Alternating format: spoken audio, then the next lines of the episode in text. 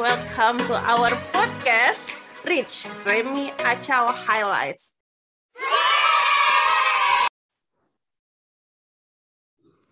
Ya, episode kita kali ini judulnya belum. Oh, belum ya, maaf ya guys. Ya, single and very happy. Kayak lagu, kayak lagu. Gimana lagu ya? I'm single, I'm very happy. Oke, ush. Depannya gimana, depannya? Nanti kita cari tahu ya guys. Mungkin nanti penggalan lagunya boleh taruh ya. Nggak deh, jangan-jangan gak usah. Ya, jadi kita mau bahas nih, apalagi buat teman-teman yang mungkin masih single gitu. Kalau jomblo tuh gak boleh gitu. Oh iya, iya, iya. iya. Kalau jomblo tuh kesannya kan agak-agak negatif ya. Kan suka dibilang katanya kalau apa? Kalau single itu pilihan, jomblo itu nasib, Nasib. katanya. Nah, jadi kita bahasnya single aja nih. Jomblo enggak ya? Jomblo ya ya kita menganggap bahwa jomblo itu single lah ya. Jadi kesannya positif gitu. Intinya kan sama. Iya, sa- intinya kan salah satu punya pacar. Jomblo ya kan? kenyataan, single menghibur diri. Oke, oke, oke. Enggak, enggak, enggak. Tapi ya eh, mungkin istilah yang benar ya mungkin single kali ya. Istilah Karena- yang lebih positif ya, lah ya. positif. Oke, single and I'm very happy. Ya, jadi kalau kita bahas karena tahu juga nih beberapa teman-teman mungkin masih belum punya pacar, mungkin atau mungkin bahkan belum pernah pacaran sama Wadidaw. sekali gitu. Ah, kamu. Ya, jadi kita mau bahas nih teruntuk buat teman-teman secara khusus yang mungkin masih single gitu ya. Nah, soalnya kenapa kita bahas ini karena kayak single tuh sekarang orang merasa kayak single tuh jelek banget nih sih. Betul. Bukan nggak selalu sih, tapi kayak merasa kadang-kadang kayak orang ngelihat ya beberapa eh, teman-teman tuh kayak ngerasa kayak ih eh, pengen ya punya pacar ya gitu gitu apalagi kalau lihat TikTok unyu-unyu pacaran-pacaran dulu eh pacaran-pacaran gitu loh jadi kayak eh so sweet banget ya kapan aku punya pacar kayak gini ya kayak gitu gitu jadi ya kita bahas-bahas tentang eh, tentang single gitu nah tapi sebelum kita bahas lebih jauh tentang single gitu mungkin penting juga ya sebenarnya ya inget lagi apa sih tujuan pacaran yang sebenarnya kita udah bahas juga nggak sih Nah, kalau mau lebih tahu lagi mungkin bisa lihat kali ya di podcast-podcast kita. Ya, podcast kita awal-awal. Sebenarnya sih aku udah lupa ya judulnya apa itu podcast satu sama dua kalau nggak salah yang, yang Ya. akhirnya jadian. Terus, Yang sampai sekarang masih paling banyak guys. Iya. Pendengarnya 340 sekian guys. Selebihnya paling laku ya bun. udah bahas pelayanan 72 gitu ya. Kalau bahas kayak gini-gini emang paling seneng biasanya ya. ya oke. Tapi ya tapi akhirnya kita mungkin perlu juga ya mengingatkan lagi bahwa sebenarnya tujuan pacaran tuh apa? Tujuan pacaran itu kalau mau digabungin ya memuliakan Tuhan gitu ya. Jadi Hmm. tujuan pacaran itu ya untuk mau menikah Mhm. ya karena memang eh, institusi pertama yang Tuhan bangun ya keluarga. Harta yang paling berharga adalah keluarga. Nah, Kira-kira begitu ya guys ya. Jadi ya tujuan pacarannya memuliakan Tuhan pasti, tetapi juga ya untuk menikah. Hmm, iya. Tidak kurang, tidak lebih. Ya, Jadi kalau belum siap menikah menikah, alangkah baiknya jangan pacaran dulu. pacaran dulu. Ini Kalau- bukan bicara ini bukan bicara tentang waktunya ya, tapi Hmm. memang eh apa ya konsepnya kira-kira Iya. begitu ya mahasiswa ngerti kan konsep Eh, Gila, dosen agama. ya, jadi maksudnya eh, kalau emang belum ada planning sama sekali untuk menikah, ya jangan pacaran dulu gitu ya. Buat apa pacaran kan jadinya kayak gitu. hanya untuk status untuk main-main Nah, lihat sekelilingmu saudara-saudara kenapa? Banyak yang akhirnya Putus, putus nyambung putus nyambung putus nyambung Kita nyanyi terus ya. ya, jadi maksudnya penting juga ya untuk tahu tujuan pacaran supaya eh, punya pacar atau mulai mencari pacar atau pasangan hidup tuh bukan karena apa ya, bukan karena ngelihat teman udah punya pacar atau, bahkan Atau teman udah nikah. tekanan gitu. sosial Iya, karena tekanan keluarga iya gitu. Tapi karena memang udah yakin, udah maksudnya udah ada planning untuk menikah dan ya balik lagi udah tahu sebenarnya tujuan konsep pacaran seperti apa. Nah, Ay, yang tujuan konsep yang benar sudah dibahas di episode sebelumnya, jadi kita tidak akan bahas lagi ya. Itu panjang soalnya. Nah, tapi akhirnya kita balik nih ke masalah single nih, Rem. Nah, sebenarnya gitu ya, kalau menurutmu nih, Yap. eh, sebagai seorang single gitu ya, seharusnya ngapain sih menghabiskan waktu atau masa-masa sebagai seorang single gitu? Nah mungkin aku ada baca buku ya yang menarik juga sih membahas. Tapi bukan bicara tentang single sih guys. Tapi hmm. salah satu topik buku itu uh, saya lupa apa judulnya bukunya. Tapi ya memang membahas tentang uh, relasi ya atau hmm. uh, apa tentang pernikahan dan seterusnya. Dan satu hal yang menarik kita harus tahu dulu ya apa sih uh, tujuan kita diciptakan? Hmm. ya kita ini siapa kita ini ciptanya Tuhan. Maka kita ini dipanggil apa? Untuk memuliakan Tuhan. Dipanggil apa? Untuk berkarya bagi Tuhan ya dan ya saya yakin lah teman-teman pasti sudah tahu lah ya apa apa tujuan kita hidup untuk apa kita hidup kalau belum tahu nanti kita akan bahas ya hmm. tapi yang paling penting kan tujuan kita kan memuliakan Tuhan gitu ya nah yang menarik, bisa loh dalam kesinggelan kita pun kita bisa memuliakan Tuhan. Jadi uh, kalau tadi pertanyaannya apa? Single harusnya ngapain aja? Single harus ngapain aja memuliakan Tuhan gitu Hmm. Jadi kalau aku melihat bahwa semua indah pada waktunya, kita percaya ya, adalah waktunya Tuhan gitu ya. Waktu kalau Tuhan. ya baik. kalau kita menikah kan tujuan juga sama yaitu bagaimana sama-sama memuliakan Tuhan, begitu ya. Hmm. Walaupun sendiri pun kita bisa memuliakan Tuhan, tapi memang ya Tuhan apa ya uh, uh, memberikan satu kebenaran bahwa ya satu institusi atau lembaga yang Tuhan dirikan yang pertama sekali adalah keluarga. Nah itu satu kebenaran firman Tuhan yang kita pungkiri.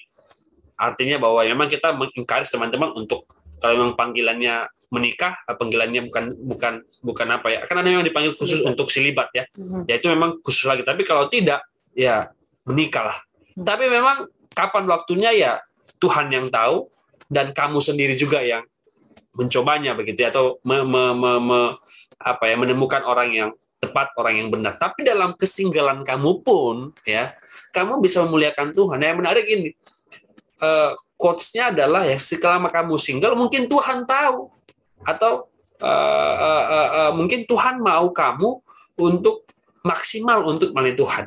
Ya, ini ini ini satu hal yang baru saya mengerti ketika berkeluarga ya. Artinya gini, ketika kita single kan kita gak akan mikirin bisa gini, mikirin di mana tinggal, ya ini misalnya mikirin maksudnya mau mau mau apa mau pulang ke rumah jam berapa? Artinya hmm. ya kayak saya, kayak saya misalnya saya punya istri misalnya eh, sekarang acau ya. Pasti kan walaupun saya pelayanan saya akan mikir oh ya istri saya pulang jam jam sekian ya saya minimal ada ke rumah. Ya ada pertimbang memang di sisi lain saya semakin efektif karena punya partner dalam pelayanan. Tapi memang di bagian lain kan ada hal-hal yang harus saya sesuaikan juga sebagai keluarga. Toh juga karena keluarga juga pelayanan toh. Ya. tapi ketika kamu single kamu gak akan mikirin istrimu kan kamu nggak akan mikirin pacarmu minimal ya. Kamu hanya mikirin dirimu sendiri dan mungkin dengan kesinggalan kamu, kamu bisa efektif, semakin efektif lagi dipakai untuk melayani Tuhan. Hmm. Jadi mau kamu single, mau pacaran, mau nikah, kan itu sama. Tuhan mau memakai semua itu untuk memuliakan dia. Nah mungkin ketika kamu saat ini single, ya kamu bisa manfaatin kesinggalan kamu itu untuk hal-hal lain yang mungkin ketika hmm. punya pacar kamu nggak bisa lakukan lagi. Ketika apalagi punya suami, punya istri, kamu nggak bisa lakukan lagi. Hmm. Nah, aku pikir sampai sini dulu sebelum saya lanjutkan. Siapa tahu ibu ada mau menambahkan atau tidak, begitu ya? Oh iya. Ya sebenarnya kurang lebih sama sih. Aku aku kebetulan waktu sempat patah hati cie. Jadi aku pernah baca buku judulnya Lady in Waiting gitu. Jadi uh, aku juga tahu aku juga bingung gitu ya kenapa oh eh enggak sih buku itu sebenarnya aku udah punya tapi karena pas aku lagi patah hati dan aku belum sempat baca bukunya jadi aku baca buku itu gitu nah uh, buku itu sih yang membukakan aku bahwa momen single adalah momen uh, dan ini aku selalu share juga sih ke adik-adikku gitu. Uh, bahwa saat kamu single saat kita nggak punya pacar gitu ya itu adalah momen Tuhan sedang mempersiapkan kita supaya pas nanti kita udah uh, ketemu sama seseorang gitu ya yang kiranya akan jadi pasangan hidup kita ya kita udah sama-sama siap gitu. Udah sama-sama siap untuk uh, berelasi dan udah sama-sama siap untuk sama-sama melayani secara efektif gitu. Nah jadi uh, buku itu yang dalam tanda kutip memotivasi ya, mengingatkan aku bahwa oh momenku single gitu, itu baru habis putus itu ya. Jadi momen itu adalah momen di mana aku bisa belajar sebanyak-banyaknya, aku bisa memperlengkapi diri sebanyak-banyaknya gitu, dan bersyukur bahwa memang setahun itu setahun setelah putus itu adalah momen yang aku aku ikut camp, aku benar-benar relasiku sama Tuhan tuh kenceng yang aku ikut training ini itu, yang aku pelayanannya gencar dan benar ya kayak kata Remy bilang gitu ya. Pas single itu adalah momen yang mana kamu mau pulang uh, jam 7, jam 8 gitu ya. Kamu mau jalan sama si A, sama si B, KTB sama si A, sama si B gitu. Seharian isinya KTB, nginep di rumah adik KTB ya. gitu. Itu tuh bisa gitu. Itu momen yang hari ini nggak bisa ya. Oh gitu. nah, tapi tapi di sisi lain, di sisi lain ya, di sisi lain uh, ya aku semakin apa ya semakin efektif tapi misalnya hmm. kayak nginap di rumah adik KTB atau ngajak adik KTB nginap di kos atau aku main ke kos mereka lama-lama ya nggak bisa lagi gitu nggak bisa bener. lagi iya iya benar tidak sefleksibel waktu single iya tapi bener. memang di sisi lain ya saya misalnya ketika dulu kan saya single saya nggak punya partner untuk mendoakan mengingatkan nah sekarang hmm. ada doa hmm. ada teman yang Ya, jadi ada sisi lain sisi lain yang di mana memang ada plus minusnya gitu. Iya, maksudnya itu bukan, uh, maksudnya bahkan itu bukan cuma terjadi pas udah menikah ya, pas pacaran, pacaran pun udah. gitu ya, itu juga terjadi gitu. Oh aku udah punya pacar nih sekarang gitu, aku harus punya waktu juga nih untuk ketemu pacar, Betul. untuk berkomunikasi sama pacar, berrelasi sama pacar gitu.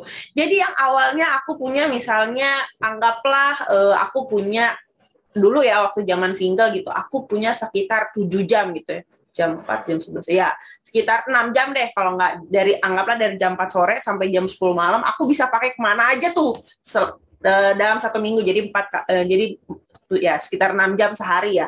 Nah 6 jam sehari terus berarti ya bisa dipakai tujuh hari dalam seminggu. Nah akhirnya nih setelah punya pacar gitu ya bahkan sebelum nikah setelah punya pacar aku tahu nih hari Senin aku nggak punya enam jam aku cuma punya dua jam kenapa karena empat jamnya udah dipakai buat pacaran gitu pacaran dalam artian ya berelasi ngobrol-ngobrol baca buku bareng PA bareng. bareng gitu ya atau pelayanan bareng gitu. Jadi aku cuma punya sisa dua jam nih untuk misalnya aku mau KTB atau aku mau fellowship sama siapa gitu, mau ketemu sama siapa gitu. Jadi ya itu pun bahkan hal-hal yang hmm, bukan cuma ditunggu pas menikah gitu, pas pacaran pun waktumu berkurang gitu. Jadi masa-masa single tuh menurutku adalah waktu yang paling fleksibel yang kita benar-benar full ngatur waktu kita tuh seperti apa gitu ya yang nggak mikirin harus ke sana kemari gitu ya terus yang benar-benar bisa apa ya bisa efektif ke sana kemari itu tuh memang sebenarnya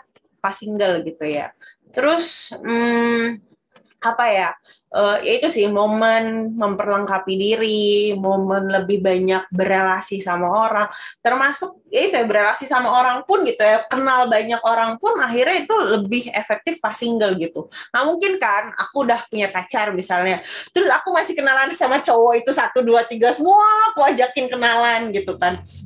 Itu kan maksudnya akhirnya setelah punya pacar setelah punya pasangan ya aku lebih menahan diri gitu ya. Kayak oh iya aku harus jaga perasaan pacar nih gitu.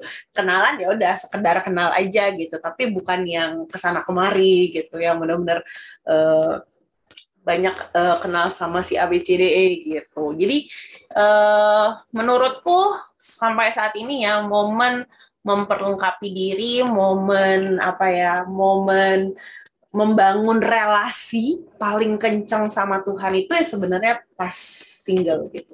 Terus buku itu juga sebenarnya satu hal yang diingetin bahwa uh, gini, kadang-kadang tuh kita cari pasangan, kenapa sih? Uh, kenapa sih cari pasangan gitu? Kadang-kadang orang tuh nyari pasangan itu biar ada yang nemenin, ngerasa penuh gitu ya, ngerasa ada yang melengkapi hidup gitu ya. Nah, tapi ternyata faktanya teman-teman, kepenuhan itu cuma dari Kristus sebenarnya gitu. Jadi kalau andaikan e, merasa diri ada yang kosong gitu ya, terus berharap bahwa pasangan akan apa ya e, akan mengisi kekosongan itu, itu konsep yang keliru sih gitu. Malah apa ya akhirnya nggak terpuaskan sama sekali dan dan maksudnya buku itu menjelaskan bahwa itulah yang akhirnya membuat uh, orang yang pacaran gitu ya akhirnya bisa jatuh dalam dosa seksual. Karena itu, karena berusaha mengisi kekosongan yang sebenarnya itu bukan jatahnya pasangan gitu. Itu adalah jatahnya Kristus gitu. Jadi kepenuhan itu asalnya dari Kristus. Kalau kita belum penuh di dalam Kristus, jangan cari pacar. Itu buku itu sih yang ingetin aku gitu. Jadi e, kalau memang belum penuh sama Kristus gitu ya, ya jangan cari pasangan dulu penuhi di, penuhi dulu dirimu dengan Kristus gitu. Cukupkan dirimu dengan Kristus gitu ya.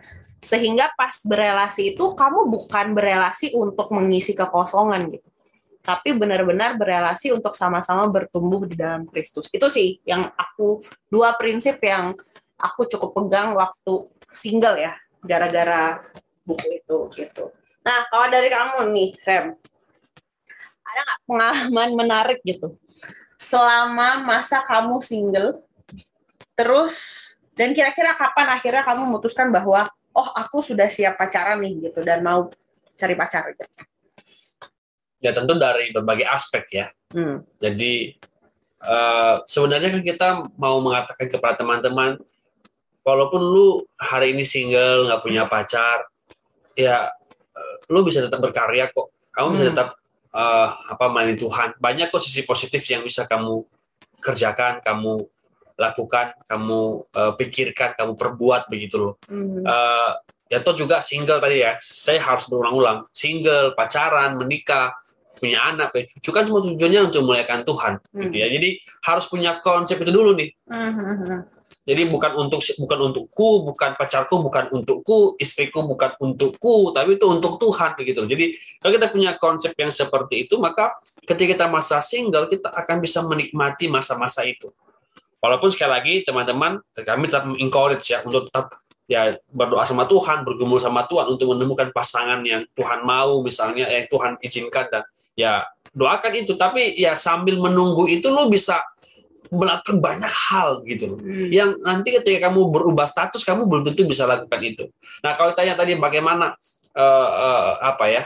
Uh, apa uh, waktu single waktu single dan bagaimana bisa memutuskan untuk akhirnya next step ya artinya punya pacar itu ya banyak faktor sampai pertama ya faktor kedewasaan rohani ya. Tadi Atu hmm. sudah banyak bahas. Kita udah perlu nggak sama Tuhan? Kita benar-benar nggak hidup baru? Kita sudah benar-benar nggak uh, uh, uh, apa ya memiliki relasi yang baik dengan Tuhan? Hmm. karena itu dasar yang paling utama teman-teman. Jadi kalau kita sudah mengenal Tuhan sudah percaya sama Tuhan sungguh-sungguh berakar dalam Tuhan maka itu akan membuat kita on the track. Hmm. minimal nanti ketika kita mencari pasangan hidup ya kita akan tahu ya minimal sefrekuensi dengan kita kan. Mhm. minimal mengenal Tuhan berimannya sama ya dan ya banyak hal. Jadi itu fondasi yang paling pertama. Jadi waktu itu ya saya sudah bertumbuh dalam PM apa dalam pelayanan sudah mengenal Kristus bahkan begitu banyak hal. Itu yang pertama. Yang kedua ya aspek umur kali ya. Mhm. ketika umur sudah eh, saya mulai pacaran itu di atas umur 20 nggak salah umur 22 atau 23 ya. Kemungkinan 22 deh. Nah jadi umur saya juga sudah sudah cukup matang begitu ya, sudah cukup matang setelah sudah mengenal Kristus, sudah sudah penuh dalam dalam Tuhan ya sekali lagi hmm. ya secara umur juga ya sudah waktunya begitu ya. Lalu yang uh, berikutnya ya kalau kita ya ini sudah semester semester akhir begitu ya. Saya punya uh, pandangan, saya ini, ini ini prinsip saya dan selalu saya sampaikan. Tapi itu pilihan teman-teman. Ya orang baik akan bertemu dengan orang baik. Ya. Dan di masa-masa menjadi mahasiswa di masa-masa akhir aku pikir itu waktu yang baik. Untuk apa? Menemukan pasangan hidup kan? Artinya gini ya teman-teman PMK teman-teman sepelayanan dari mana pun apa kampus atau teman-teman gereja. Ya kalau kamu mau menemukan pasangan hidup yang baik ya cari tempat yang baik. Di mana? Ya di PMK di kan di sorry di, gere, di gereja di pemuda dan seterusnya. Ya karena memang kalau kamu di kantor belum tentu kan? Hmm. dan nanti kamu kalau udah kerja belum tentu lagi dapat dapat uh, kamu udah sibuk dengan pekerjaan kamu, belum tentu dapat pasangan yang sevisi dan seterusnya. Maka ya ketika di akhir-akhir semester, akhir-akhir kuliah ya mulailah uh, bergerilya begitu ya mencari pasangan, mulai mendoakan dan seterusnya.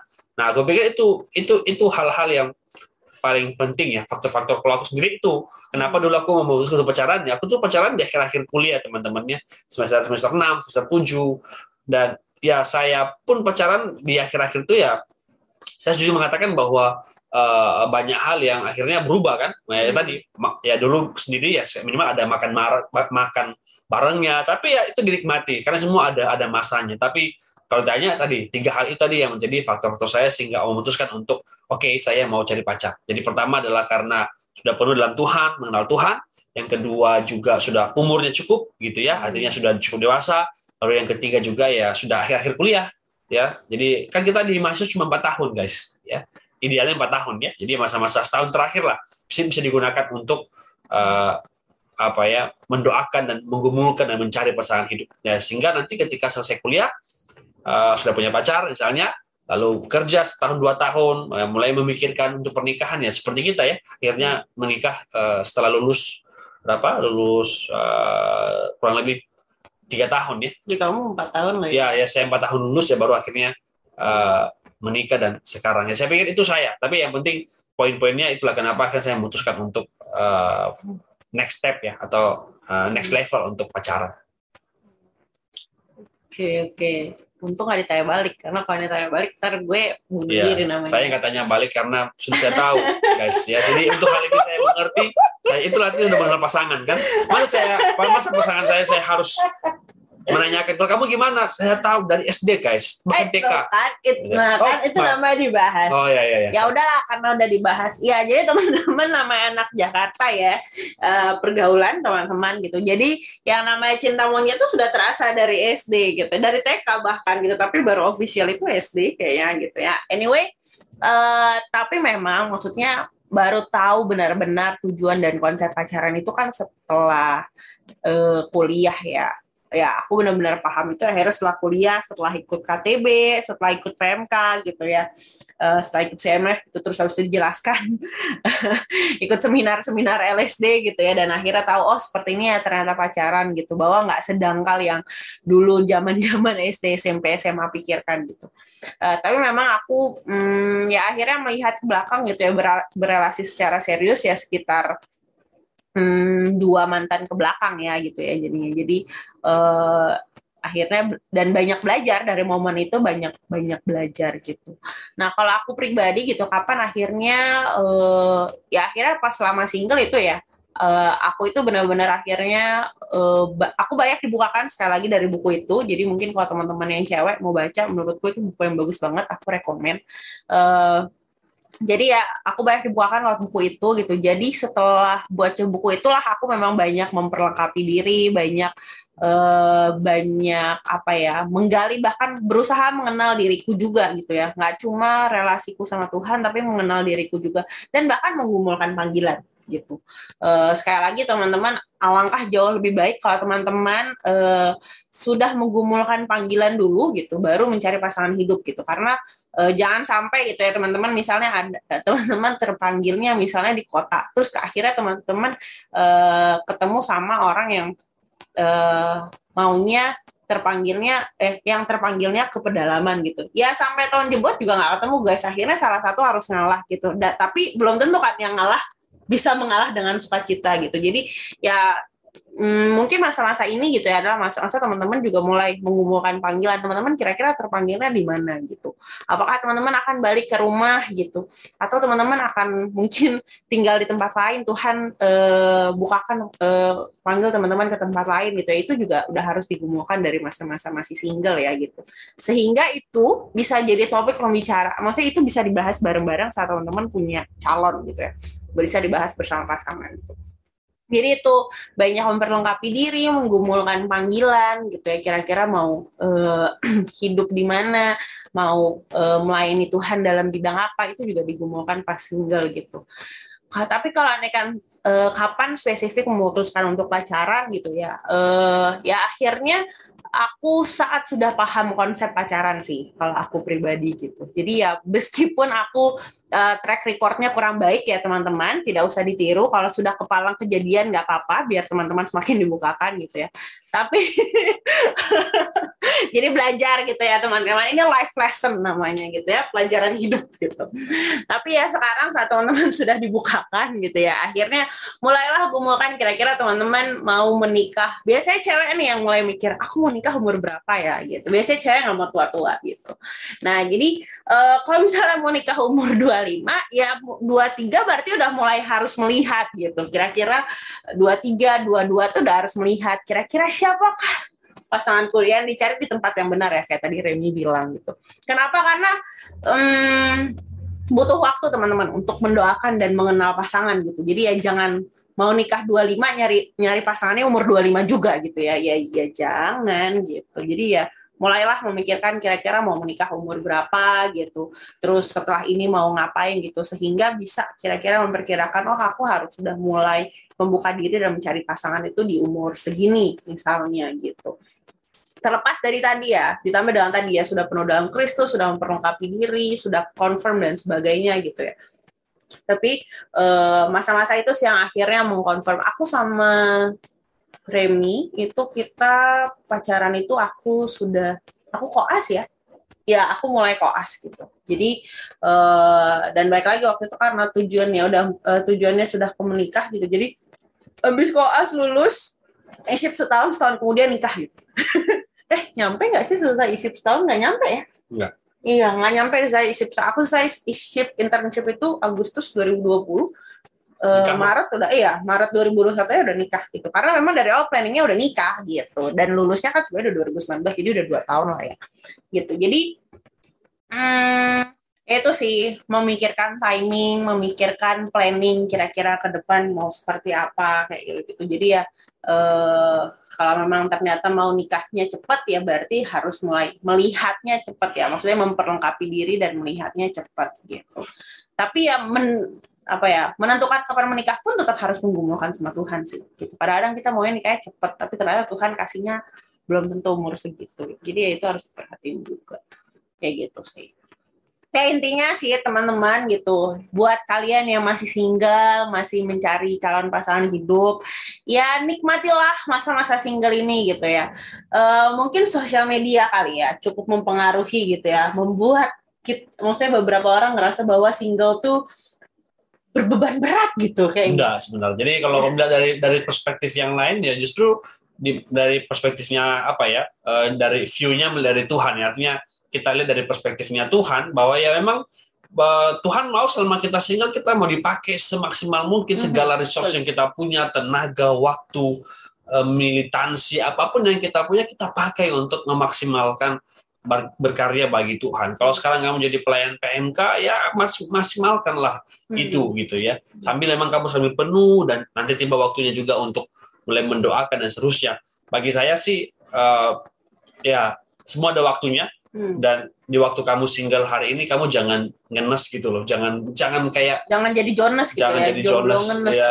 kamu juga bisa menikmati kok banyak hal yang bisa kamu lakukan, banyak hal yang menjalin relasi sebanyak-banyaknya ya. gitu ya. Selagi masih bisa menjalin relasi, menjalin relasi maksudnya persahabatan ya guys. Tolong jangan nanti punya cabang di mana-mana. jadi menjalin relasi sebanyak-banyaknya, temenan sebanyak-banyaknya gitu. Itu momen yang bisa apa ya paling efektif pas masih single sih. Dan apa ya cara paling ampuh supaya punya pasangan yang sevisi dengan kita ya tadi itu di masa-masa mahasiswa akhir ya kamu bergerilya kan.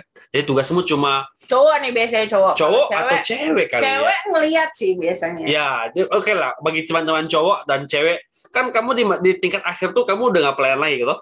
Kamu kan maksimal puncak pelayan kamu di semester uh, apa tingkat tiga ya atau kalau istilah dulu atau semester semester uh, lima enam itu kan puncak dari karir kamu sebagai seorang mahasiswa atau kamu hmm. akan jadi ketua atau jadi ketua bidang atau seterusnya. Setelah itu kan turun kamu turun, kamu akan turun akan masuk generasi berikutnya. Kamu kan tinggal skripsi atau kalau kamu memang mungkin kamu masih terlibat tapi sebagai supervisor ya, nanti sebagai hmm. yang yang sebagai kakak lah ya.